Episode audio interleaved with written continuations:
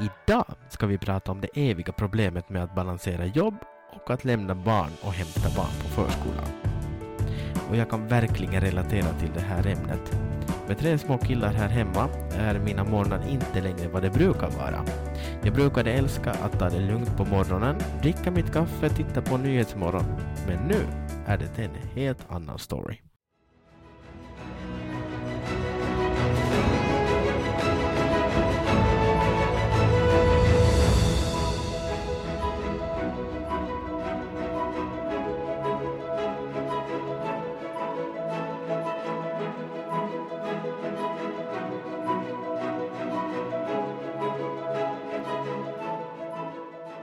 Min dag börjar vanligtvis med att mina så söta monster...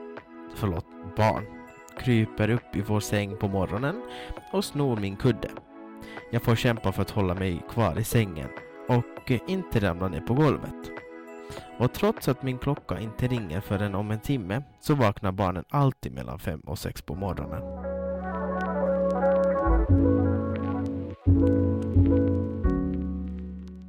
Och då kommer det roliga nämligen frukost.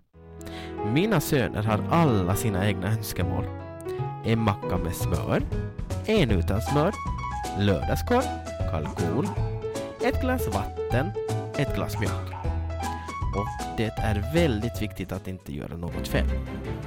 Annars kan du lika gärna lägga ner för dagen.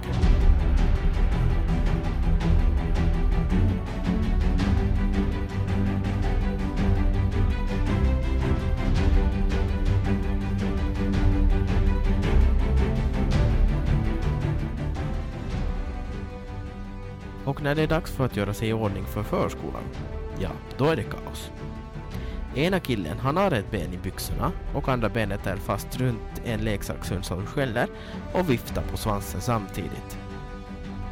Jag kommer att garantera att den där jävla hunden kommer att försvinna en vacker dag. Och när vi väl kommer ut genom dörren efter att kämpat och haft på kläder och skor så händer alltid någonting. Antagligen har någon glömt sin ryggsäck eller så behöver någon på toa.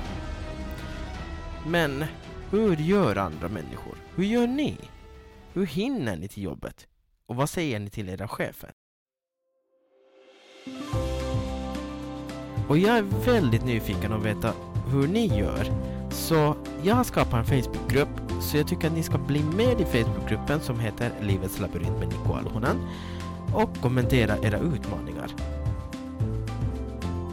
Det var allt för den här gången. Det är verkligen en utmaning att balansera jobb och barn. Men vi får ta en dag i taget och försöka att inte tappa humöret. Tack för att ni lyssnar på Livets labyrint och vi hörs nästa gång.